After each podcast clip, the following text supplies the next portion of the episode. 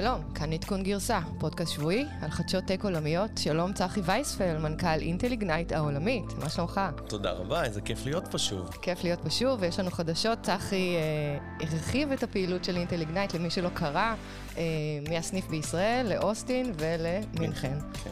מדהים. אז, אז מי שממש רוצה, ואוסטין זה מקום מדהים, אז יאללה, קדימה, תגישו מועמדות, אנחנו מגייסים צוות. גם אילון מאסק מגייס שם, by the way. אנחנו נדבר השבוע, יש חדשות טק מאוד מעניינות. קודם כל, מצב ההשקעות בקורונה, מיכל פעילה בכנס השבוע. זה אמנם היה וובינר, אבל זה היה כנס השנתי למשקיעים של וינטג' שהיא fund of fund. דיברו על עלייה דרמטית בהשקעות ב-2020, מה המצב בישראל. באמת ה skyrocketing אה, של הקרנות הון סיכון, אה, נבין באמת למה ואיך. נדבר גם על השקעות גלובליות בזמן קורונה וכמה קל באמת לתת כסף אה, מרחוק. אה, ואז על הסקר המאוד מעניין, החדש, שצחי ואינטל איגנייט אה, מעורבים בו, איך סטארט-אפים יכולים לעבוד בבית, ומה בעצם ההשפעה אה, על העבודה מהבית. נדבר על אמזון, הם משיקים גם בית מרקחת דיגיטלי, גם משקפיים שמחוברות לאלקסה, וגם יש כמה וכמה יוניקורנים חדשים, השקעות seed של מעל 100 מיליון דולר בחברות שבעצם מפתחות פלטפורמות ל marketplace, לעסקים שמוכרים באמזון. גוגל הופכים לבנק, אנחנו ננסה להבין מדוע, למה, מי ישתמש בזה, הם משיקים שירות חשבון עובר עובר ושב, או מה שנקרא checking באנגלית, אה, עם פיצ'רים מאוד מעניינים. ולבסוף נדבר קצת על כלבים ורובוטים, כדאי לכם להישאר. אז אה, צחי, כיף שאתה פה. אה, אנחנו נורא רוצים לדבר על סטארט-אפים בתור אה, מנכ"ל אינטל איגנייט, שבעצם התחיל הבאץ' החדש לפני כשבועיים. אה, אני בטוחה שכולם רוצים להבין מה קורה מבחינת השקעות. מבחינת השקעות, אנחנו האמת היא רואים תעשייה עם הרבה הרבה כסף שממשיך להשקיע אותו, שהיית בכנס השבוע, אז קודם כל אולי נתחיל באמת במה נאמר בכנס השבוע. אז זהו, זה כנס מאוד מעניין. קודם כל וינטג' זה קרן של קרנות, הם משקיעים גם בקרנות וגם בסטארט-אפים יחסית ב late stage, הם מנהלים יותר משני מיליארד דולר. והיה את הסיכום הידוע של אלן פל פלד, שהוא המנהל של הקרן על תחום ההשקעות. קודם כל, תעשיית ההשקעות של ה-VC בגדילה משמעותית, למרות או אולי אפילו בגלל הקורונה, שזה קצת מפתיע, אבל יש שיא עולמי בגיוס הון של סטארט-אפים אה, מקרנות הון סיכון, קודם כל. קורונה מן הסתם יצרה איזשהו economic disruption, אה, מהפך, מהפך מאוד גדול בתחומים שאנחנו אולי לא היו דיגיטליים עד היום, וזה לא חדש אה, לאף אחד, אבל זה יצר שינוי אה, בתעשיות בעיקר שהן טרדישיונל, אה, ולכן תעשיית ההשק... ההשקעות שבעצם משקיעה בטכנולוגיה שעושה את השינויים האלה, בעצם אה, מצליחה מאוד. אה, בישראל קצב צמיחת ההשקעות עולה על ארצות הברית, בארצות הברית הקו התיישר איפשהו ב-2018, ובישראל אנחנו רואים שיש עלייה שהיא נראית אקספוננציאלית, שאני חושבת שכל, באמת כל הכבוד לתעשייה פה ולטכנולוגיה אה, הישראלית. עוד דבר שהם אמרו שהיה נורא מעניין זה שהעולם נהיה גלובלי, וקרנות מחו"ל משקיעות אה, דרך זום, נחשפות לדיל פלואו, נחשפות גם לדינמיקה בין יזמים, ומצליחות לשים כסף. היו פה כמה השקעות מאוד מעניינות של אקסל פרטנר, זה כמה, כמה VCs ידועים בוואלי, ויכול להיות שגם בגלל זה באמת כמות הכסף כסף מחו"ל שמגיעה לארץ אה, עולה ועולה. אה, עוד דבר מעניין, יש אינפלציה בוואליואציות של אה, סטארט-אפים, אה, אבל יותר מתקדמים בראונד אה, B, C ו-D. אה, עלייה ב-D של משהו כמו 35 אחוז. בישראל פשוט נולדים יותר ויותר יוניקורנים מרגע לרגע, יש יותר מעשרה כרגע, אבל יש פחות השקעות בשלבים יותר מוקדמים, שזה ראונד A ו-Seed. זה קצת מדאיג לדעתי, כי בדרך כלל במהפכות כאלה, במשברים עולמיים, זה הזמן לסטארט-אפים צעירים לקום, לצמוח ובאמת לעשות את ה-disruption, אז רואים שיש קצת פחות uh, סטארט-אפים חדשים. Uh, מצד שני, uh, אנחנו נדבר היום על סטארט-אפים חדשים שמאוד מצליחים, uh, שמים פשוט יותר כסף בהשקעות uh, מוקדמות. Uh, היה נורא מעניין בסיום של ההרצאה הזו של אלן פלד, uh, הוא שם מין שלט כזה, תמונה של, uh, של ה street name של וול סטריט, שאתה רואה שזה הולך לכיוון אחד והשני זה Main Street. וזה שניהם, Main Street ווול סטריט הולכים לשני כיוונים נפרדים, uh, ובעצם אנחנו רואים שיש פער מאוד מאוד גדול בין מה שקורה בתעשיית הטק לרחוב, uh, יש אחוזי אבטלה מאוד גבוהים, יש גירעון לאומי, uh, פער כלכלי שגדל בין שכבות אוכלוסייה, וההמלצה שלו הייתה, בואנה, תעשיית הטק, שימו לב גם מה, מה קורה ברחוב. אז זה, זה היה כנס אה, מאוד מעניין, ההרצאה הזו במיוחד, אבל פעם ראשונה שהצלחתי להחזיק וובינר ככה, מההתחלה ועד הסוף, לא יודעת מה המצב שלך, צחי. כן, זה קשה, קשה להחזיק את ה webinars האלה, יצא לי כבר להיות בדי הרבה, אני גם מוביל כמה round tables. אנחנו מובילים, האמת היא, כמה שיחות סופר מעניינות בווב סאמיט, מי שיצא להיות בווב סאמיט, אנחנו מעבירים master class עם חבר וירטואוזו, ואני מעבירים master class על traction storytelling, אנחנו מנתחים IPO videos. ואיך בונים סיפור שמגייס. המון המון כסף. אנחנו נשים לינק באינסטגרם. וגם, אתה יודע, אני קראתי איזושהי כתבה שרואים שבכלל ב Middle East, במזרח התיכון, יש אה, האצה בהשקעות. ש, שפעם, אתה יודע, לא, לא חשבו על זה, אבל מדובר במעל 700 מיליון דולר במדינות שהן פחות ידועות. אה, וטכנולוגיות אה, גם early stage וגם late stage. אבל מה שאני באמת רציתי לדבר זה על הסקר, אה, סקר הסטארט-אפים החדש של יעל בנימין, בשיתוף עם אינטל איגנייט, לאומי טק, יגאל ארנון, וקרן הון סיכון בנסון אוק. וזל. וגם זל, נכון, זה אוניברסיטת רייכמן, תוכנית זל. הייתה גם כתבה מאוד מעניינת של מאיר אורבך בכלכליסט, שבעצם דיברה על ההשפעה של העבודה מהבית לסטארט-אפים, והתמונה לא ורודה בכלל, צחי. אז קודם כל הזכרת לנו שאנחנו במזרח התיכון, החיבור שלך היה המזרח התיכון. בוא נדבר על הסקר בישראל. זה נכון, זה, אנחנו באזור הזה בעולם. אנחנו במזרח התיכון. לגמרי. אז אה, אה, כמה, כמה נתונים מאוד מעניינים. קודם כל, אה, אה, סקרנו כ-200 סטארט-אפים, עבודה שיעל עשתה, עבודה מדהימה שהיא עשתה עם סטארט-אפים, וכמה נתונים מאוד מעניינים. קודם כל, 44% מהסטארט-אפים הקטינו את שטח ה... הורידו את הליסינג או לגמרי, או הקטינו משמעותית את שטח הנדל"ן שלהם. אנחנו רואים 42% מהעובדים עובדים רק מהבית, בכלל בלי משרד, אה, ו-45% עובדים אה, מיקס, גם במשרד וגם בבית.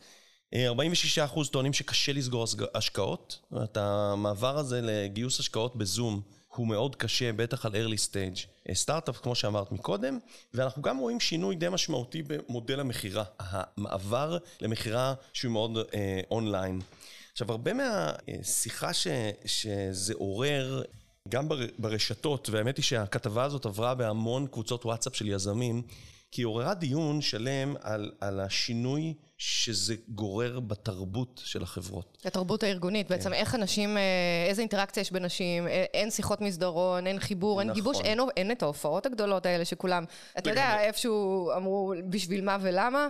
אז אלו שני דברים מאוד משמעותיים. קודם כל, קודם כל 79% מהחברות דיווחו על פגיעה בתרבות של הארגון. קשה מאוד לייצר תרבות ארגון.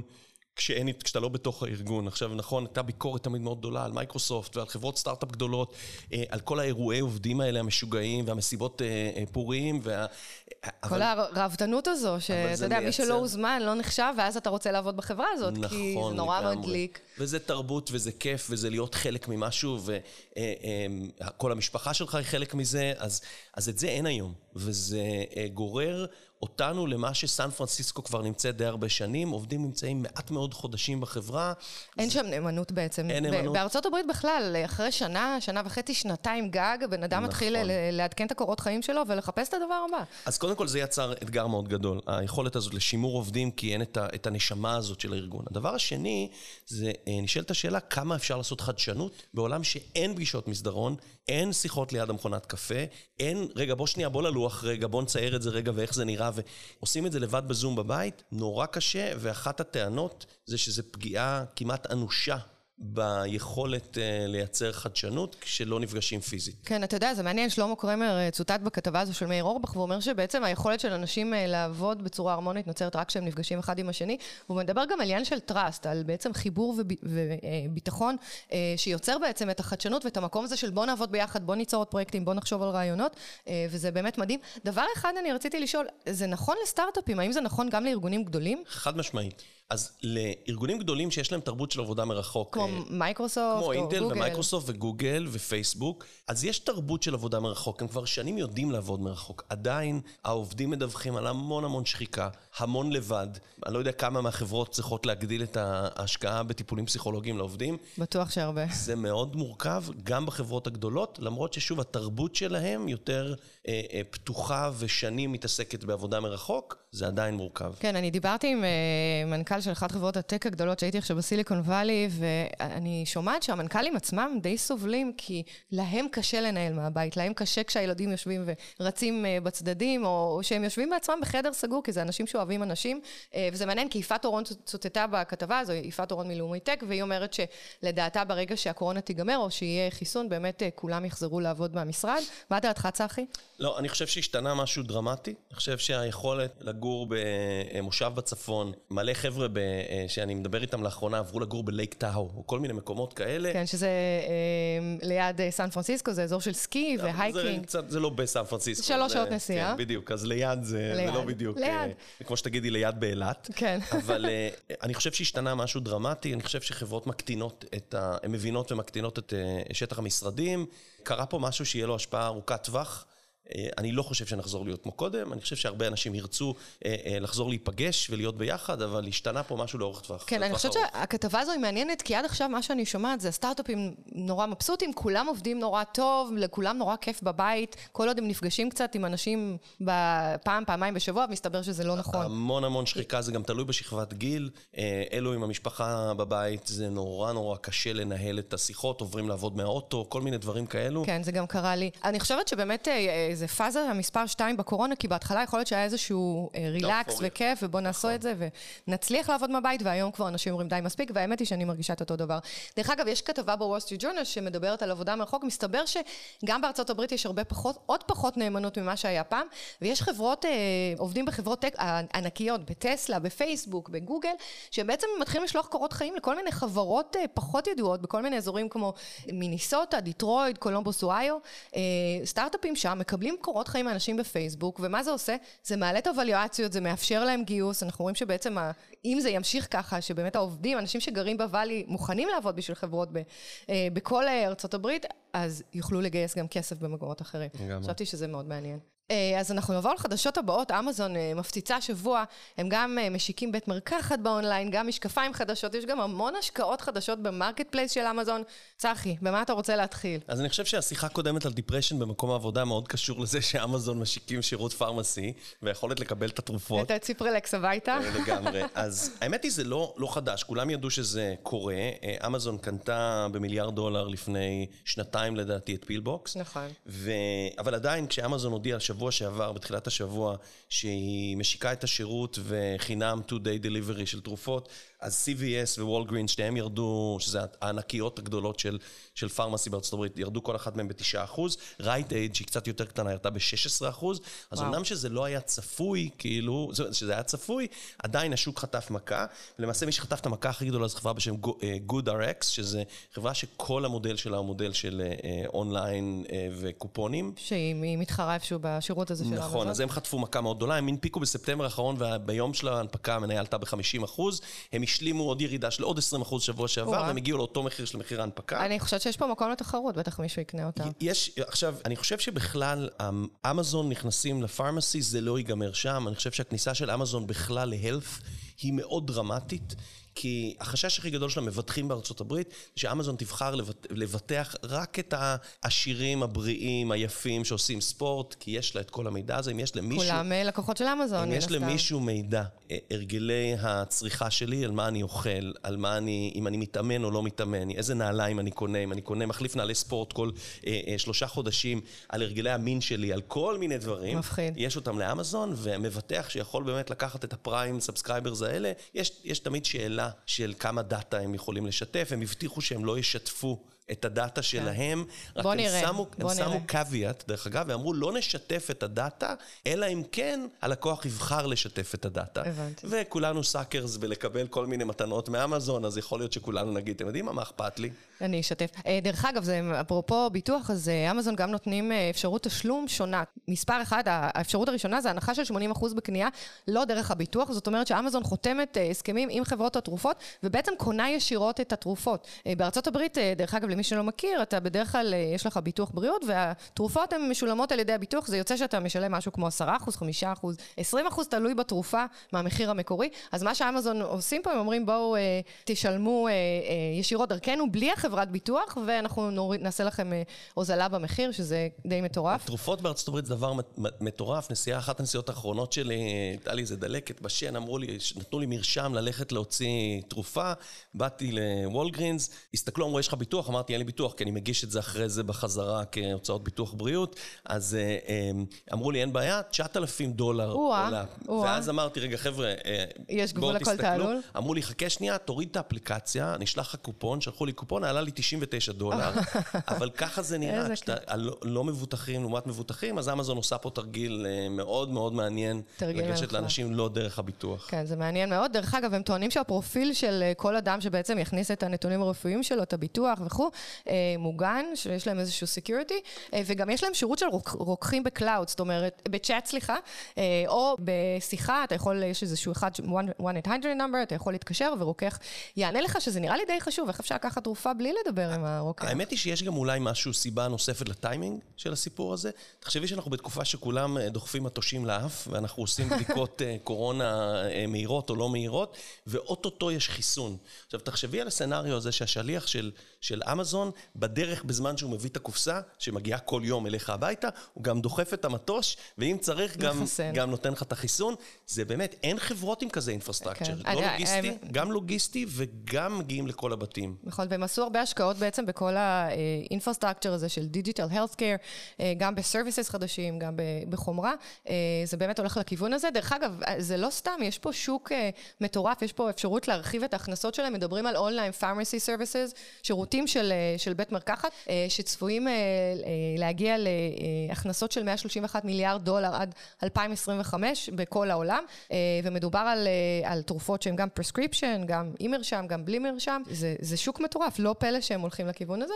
אני חושבת שהשאלה באמת, ה challenge פה זה אם הם יוכלו לשמור על הקו הדק הזה שבין privacy לבין, אתה יודע, ולבנות את אמון הציבור, כן, ככה לגמרי. שאנשים באמת ירצו. את... אתה היית משתמש? כן, לגמרי. כן, לגמרי. תגידי, יש לי שאלה אלייך, אני לא יודע אם זה קשור או לא קשור, אמזון הודיע שמוציאים משקפיים גם. כן, נכון, אני שמעתי על זה, אתה, אתה מכיר, זה, זה דור שני של משקפיים שלהם, אתה מכיר את הדור הראשון? אה, אני, אני מכיר את הסיפור של, של, אה, של אמזון והמשקפיים, העניין הוא שזה לא משקפי ראייה, הסיפור פה זה לא שאמזון מייצרת חברה שמוציאה משקפיים, משקפי ראייה כמו שדיברנו על התרופות, אלא למעשה זה אוזניות לאלקסה. נכון, שזה, זה מטורף, בעצם ה feature, ה feature שמוסיפים, זה, זה משקפיים רגילות, זה לא איזה AR או VR, אין שם איזושהי תמונה או מסך, זה פשוט משקפיים, אפשר לשים להם prescription עם מי שלא רואה אותו. זה מסגרת של משקפיים. מסגרת של משקפיים עם אוזניות שמחוברות anytime לאלקסה. זאת אומרת, אתה יכול ללכת ברחוב ולהגיד, אלקסה, please, play me a song, והיא תשיר לך שיר, או לשאול שאלות על איפה אתה נמצא. זה לא שונה מהותית מכל האוזניות בלוטות' היום, שב AirPod שאת משתמשת לסירי דרך האוזנייה, או uh, כל מה שעובד עם אנדרואיד, שאת יכולה לדבר עם גוגל, uh, uh, זה לא שונה מזה, זאת אומרת, זה למעשה כמו אוזניות בלוטות', uh, רק זה נמצא על מסגרת של משקפיים, 249 דולר ישיגו לך מסגרת של משקפיים כאלה. מעניין לראות, אני לא יודע. לא, זה קצת מלחיץ אותי, כי אתה יודע, אתה הולך כל הזמן, אתה יודע שסירי או, אה, או אלקסה מקשיבות לך, זה פחות, אני לא, אני לא יודעת אם הייתי לובשת כאלה משקפיים. אני לא, לא כך רואה את השימוש, אני אגיד לך את כן. האמת. אבל, אבל יש תחום אחר שנורא מעניין, בוא לא נקנה את המשקפיים, יש יוניקורנים חדשים. לא יודעת אם שמעת בסיליקון וואלי, אה, כמה השקעות של ענקי, ענקיות אה, קרנות, הקרנות שם, סטארט-אפים שמפתחים פלטפורמות שלמעשה מייעלות את ה marketplace של אמזון, מנסות להצמיח עסקים אה, את העסקים הקטנים ולהפוך אותם ל brandים מצליחים. אה, אני לא יודעת אם שמעתם, אבל 60% מהמסחר באמזון הוא נעשה על ידי עסקים קטנים, זה לא אה, חנויות אינטרנטיות בבעלות אמזון, ובקורונה, בזמן הקורונה, מחזור העסקים האלה עלה בצורה מדהימה. אני רוצה לגעת במספרים, בסדר? רק כדי להבין כן, קצת את המספרים. כן, אנחנו נשמח לשמוע. אז דיברנו מקודם על הקושי בלגייס סיד ו-A וכאלה, אז ככה, היי hey גייסו שבוע שעבר סיד של 175 מיליון דולר. מקוסלה, לא סתם. תכף נדבר על מי המשקיעים, זה גם מעניין. הירוז, שעושים אותו דבר, גייסו 65 מיליון דולר, פרץ' גייסו 123 מיליון דולר, וטרסיו, שהם יותר ותיקים קצת, גייסו 500 מיליון דולר, זהו? והם כבר זהו צחי? ואליואציות ב-1.25 מיליארד. תחום מרתק, וכמו שאמרת, המשקיעים נורא מעניינים, כי מסתכלים למשל על SellerX, SellerX גייסו 118 מיליון דולר seed, אה, אה, חברה מברלין, שבין המשקיעים שלה יש גם את ה founder של זלנדו, שזה אחד ה retailer, e-commerce retailers הגדולים בגרמניה, המנכ"ל של Shutterfly, המנכ"ל לשעבר של אמזון ב-UK. אם מסתכלים על, Heyday uh, בארצות הברית שגייסו 175 מיליון דולר Series A, כן? Uh, יש בין המשקיעים שלה executives בכירים באמזון, באי-ביי, בפייפל ובמג'נטו. ואת Khosla Ventures, שזה אחד ה Valley, הקרנות ב Valley הכי ידועות, זה בעצם uh, קצת, uh, זה, זה חוקי כזה דבר? כי, כי אתה יודע, באים אנשים מאמזון ואומרים, רגע, זאת הבעיה שיש לנו, יש לנו פה marketplace שלא עובד טוב, יש הרבה עסקים קטנים uh, של אנשים שעובדים מהבית, אין להם מספיק talent, אין להם טכנולוגיה, אין להם את הכוח קנייה, הם לא יכולים לקחת הלוואות, ובעצם... Uh, יש מחסור באמזון, דרך אגב. אני, אני הזמנתי, הייתי בארצות הברית, הזמנתי כל מיני דברים באמזון, או שהם הגיעו באיחור, או שלא היה להם. אה, אז יש פה בעצם פוטנציאל ענקי, אנחנו מדברים על disruption של משברים. זה ה-disruption ופה המהפכה. וצריך להבין את המגמה שם. ב-99, 3% מהקניות באמזון היו marketplace. ב-2008, 30 אחוז. היום זה 60 אחוז.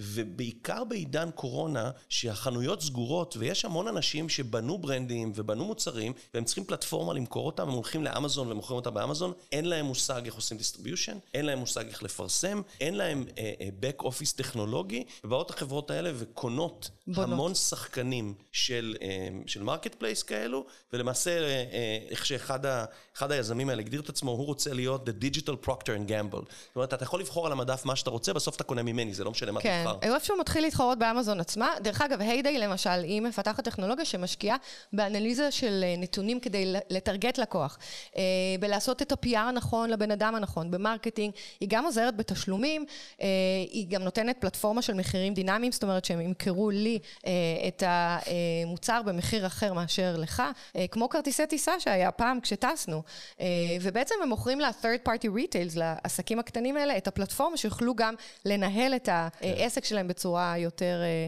נכונה ויעילה. סלרקס, אה, כמו שאמרת, הם בעצם קונים חברות, קונים עסקים בתוך אמזון ובעצם מרחיבים אותם, מגדילים אותם ורוצים להיות ה retail הגדול הבא.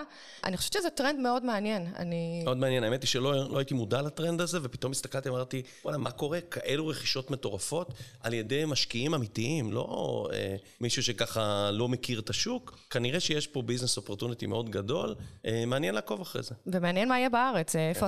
הסטארט-אפים הישראלים יכולים להשתלב באמת בטרנד החדש הזה של ה marketplace של אמזון. לגמרי. תגידי, אה, אני לא יודע איך את משלמת באמזון, אה, אבל אה, יש... מוצר חדש, האמת היא, מוצר שהם הכריזו עליו כבר ב-2019, שגוגל, אני קורא לו גוגל באסה, The Bank as a Service. אז מכירה את הסיפור הזה של ה... לא, אה, כן, האמת היא שקראתי השבוע שגוגל הופכים להיות אה, בנק, אה, לא יודעת אם הם לא מכריזים את עצמם בתור בנקים, לא רוצים לדרוך על הבנקים כרגע, אבל הבנתי שהם מכריזים שיהיה להם checking account, שזה בעצם חשבון עובר ושב, דיגיטלי, שהוא יתחיל ב-2021, כרגע הם עובדים, ב, יש להם איזשהו בטא בסטנפורד, באוניברסיטה, הם עובדים עם credit union וסיטי גרופ. אני חושבת שהשאלה העיקרית זה, א' כל, מה זה אומר? מה זה checking account של גוגל? ודבר השני, איזה לקוחות. האם בכלל ירצו להשתמש בזה, צחי? אז תראי, קודם כל אני חייב להגיד שאני קצת, עם כמה שאני נורא נורא פתוח לכל הדברים האלה, ושוב, בשאלות שאנחנו שואלים, היית עושה? אני הרוב אומר, כן, הייתי עושה, זה נראה לי נורא מעניין. אני חושב שיש פה שאלה לא טריוויאלית. הם באים להתמודד, כמו שאם ראית את ה-IPO וידאו של למונייד, והם מסבירים שם את התעשייה הזאת, בת ה-150 שנה של insurance, כמה היא מיושנת ואף אחד לא אוהב אותה, ו- והיא לא מסוגלת לעשות שום דבר כמו שצריך, זה כמעט אותו סיפור. אתה יודע מה זה מזכיר לי? אני חייבת אה, להגיד, החשבון בנק הראשון שפתחתי אה, בארצות הברית, זה היה בסטנפורד, זה היה שם ווילס פארגו בפינה uh, של אל קמינו, ובאמת, באנו, פתחנו, ושום דבר לא השתנה, זה היה לפני... לא יודעת כמה שנים, המון שנים. אז, אז יש ניסיונות לשנות את המערכת הזאת, היא זזה נורא נורא נורא לאט, ואני חושב שמה שגוגל באה לעשות, גוגל מנסה לייצר user interface אה, הרבה יותר טוב והרבה יותר קל, שהוא הרבה יותר מדויק, הוא גם מדבר אליך, ומעניין אה, להסתכל על סקר, הם עשו ביולי, הם עשו סקר, בקרב 3,000 אה, אה, US consumers, 27% מהם אמרו שהם יפתחו חשבון. בגוגל. אה, כן, 11% מהם אמרו שהם לגמרי רואים את זה כחשבון העיקרי שלהם. מעניין. אה, סוג של אנשים אמרו שהם על... אה, יפתחו את החשבון? אז מעניין, כשמסתכלים על הדמוגרפיה, זה בעיקר אה, אנשים עשירים. בעיקר גברים, אה, כאלה עם אה, לפחות MA ומעלה, זאת אומרת לכולם, רובם יש מאסטר. תארים אה, מתקדמים. תארים מתקדמים. הגילאים זה גם מעניין, כי זה לא מה שהיית מצפה שזה כולם נורא נורא צעירים. אז ג'ן זי, רק 25% אמרו שיפתחו חשבון, מילניאל 37% אמרו שיפתחו חשבון, וג'ן אקס 32% אמרו שיפתחו חשבון. אז זה מעניין לראות שזה קרוס אייג'ס, דווקא לאו דווקא הצעירים ממש. אני הייתי פותחת, אני אפתח, בטוח. לא, לפתוח זה בסדר, השאלה אם את הופכת להיות שזה לא, זה לא יהיה חשבון הראשי, אני לא, עוד לא. אני לא חושב שיש פה איום על הבנקים המרכזיים בשלב הזה, כי הם הולכים לעבוד ביחד עם הבנקים, הם הודיעו על, על כמות די גדולה של פרטנרים שהם הולכים לעבוד איתם, מעבר לסיטי וסטנפורד שהם התחילו איתם. אני חושב שהאיום המרכזי כרגע הוא בעיקר על ה-IT shops שעושים או בונים עבור הבנקים את המערכות שלהם. יש חברות ענקיות בעולם שעושות את כל ה-financial services האלה, אז אה, האיום הוא מאוד גדול עליהם. אני הייתי מאוד נזהר מכל הבנקים האלה, שכל מה שגוגל באה לעשות זה לתת user interface, כן. ולשחרר אותם מכמה services שנורא לא בא להם.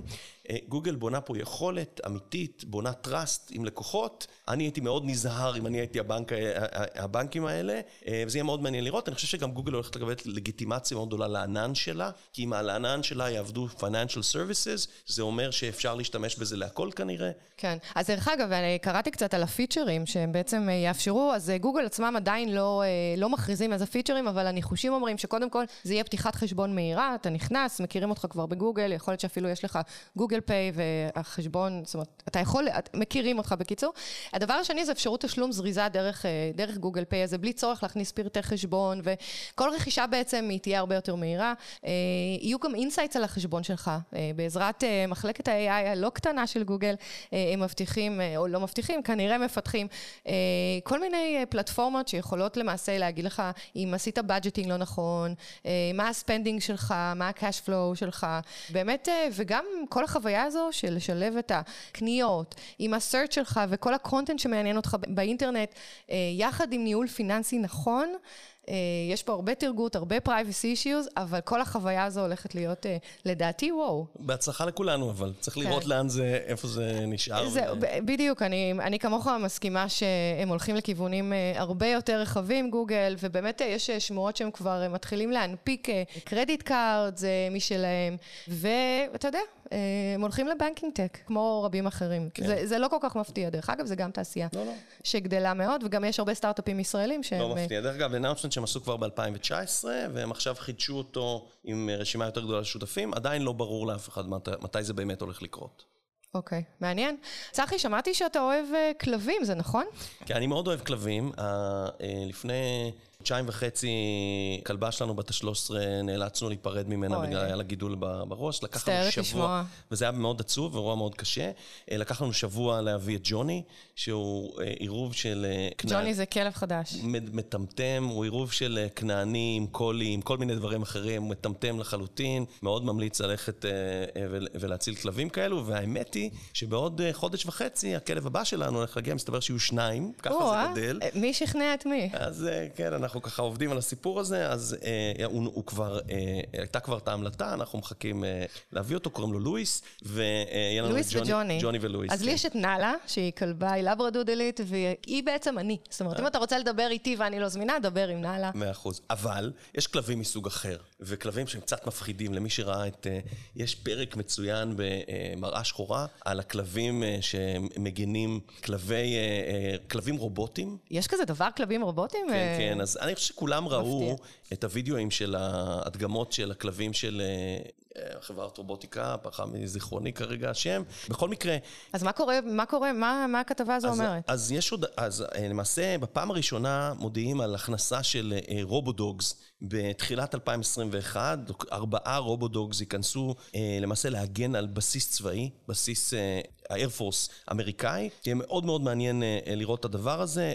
כלב עולה כ-100 אלף דולר. מה הם הולכים לעשות, הכלבים האלה? אז הם למעשה... חוץ מלנבוח. אז בשלב הזה הם לא הולכים להיות הגנה אקטיבית. זאת אומרת, הם הולכים בעיקר לפטרל מסביב לגדרות ולזהות בעיות ולדווח עליהם, אה, למרות שיש להם גם פיצ'ר אה, שאמור למנוע גניבה וחבלה, אומרת, מי שינסה לגנוב או לחבל, הם רשאים לתקוף אותו. אבל... אה, כמו ב Black Mirror, ודרך אגב, אנחנו נשים את הלינק לקטע הזה ב Black Mirror, כן. שמראה את התקיפה של הכלבים. כן, אז זה מעניין לראות עשר שנים של פיתוח, אה, פעם ראשונה שרואים אה, כניסה של כלבים רובוטיים כאלו לשימוש קומרסיאלי. ועוד בבסיס צבאי, זה אמור להיות באמת רובוט שעבר את כל ה qualification כן. וה testing, ויכול לספק באמת פתרון, כי אתה יודע, אין פה, אי אפשר לקחת risk. הכלבים של טראמפ. אז זה יהיה, זה יהיה מאוד מעניין לראות. אה, אבל זה מאוד מפחיד. אתה יודע, זה, מדברים על סטנפורד Shopping Center, אז גם שם יש רובוט security אה, שדיברתי עליו בכמה פרקים קודמים, אבל אני זוכרת אותו כבר לפני שבע שנים מסתובב, במקום האיש על הסגווי, השוטר על הסגווי, מגיע רובוט, אה, שהילדים נורא אוהבים אה, להתאכזר אליו ולבעוט בו, אני מקווה שהרובוט של, אה, של הבסיס בפלורידה קצת יותר מתוחכם. אה, לא יודעת, לי זה מרגיש יותר secured כרגע כשיש חייל, כן. אבל... אה, אבל העולם משתנה, Indoor Robotics היו לנו במחזור הקודם ב Ignite, שמייצרים את הדרון הזה שהוא indoors של מטרות security, מאוד מאוד דומה לסיפור הזה. כן, חברה חושב- מדהימה. נכון, אני חושב שזאת מגמה מאוד מעניינת בעולם הרובוטיקה, שצריך לעקוב אחריה. טוב, אז אה, אנחנו נמשיך אה, להתעניין בעניין הרובוטיקה, בטח בקורונה, אה, כשכולנו יושבים בבית ומחכים לאיזשהו רובוט שיבוא אלינו עם איזושהי חבילה, אנחנו דיברנו על כל החבילות שמגיעות בזמן האחרון, וכמה הם מציקים לנו עם כל הטלפונים, אז שנמשיך לקבל חבילות בזמן, אה, ותשמרו על עצמכם. תודה רבה לצחי וייספלד על ההשתתפות היום. אה, תודה רבה לנבות וולק, העורך שלנו, לצוות גלי צה"ל, לדורון רובינשטיין, לעורך שלנו החדש רועי קיליקר, אה, ותודה רבה לוורטקס ונצ'ר שאנחנו מקליטים את הפרק היום אה, מאולפנם. אה, וזהו, נתראה בשבוע הבא. תודה רבה, כיף גדול. יאללה ביי. ביי.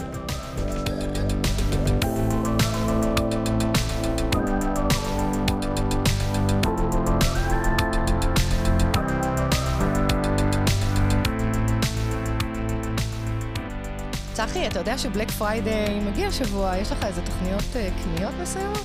אה, יש, אה, אני יושב ומזמין כל מיני דברים, אני אני מש- משקיע המון בציוד נינג'ה.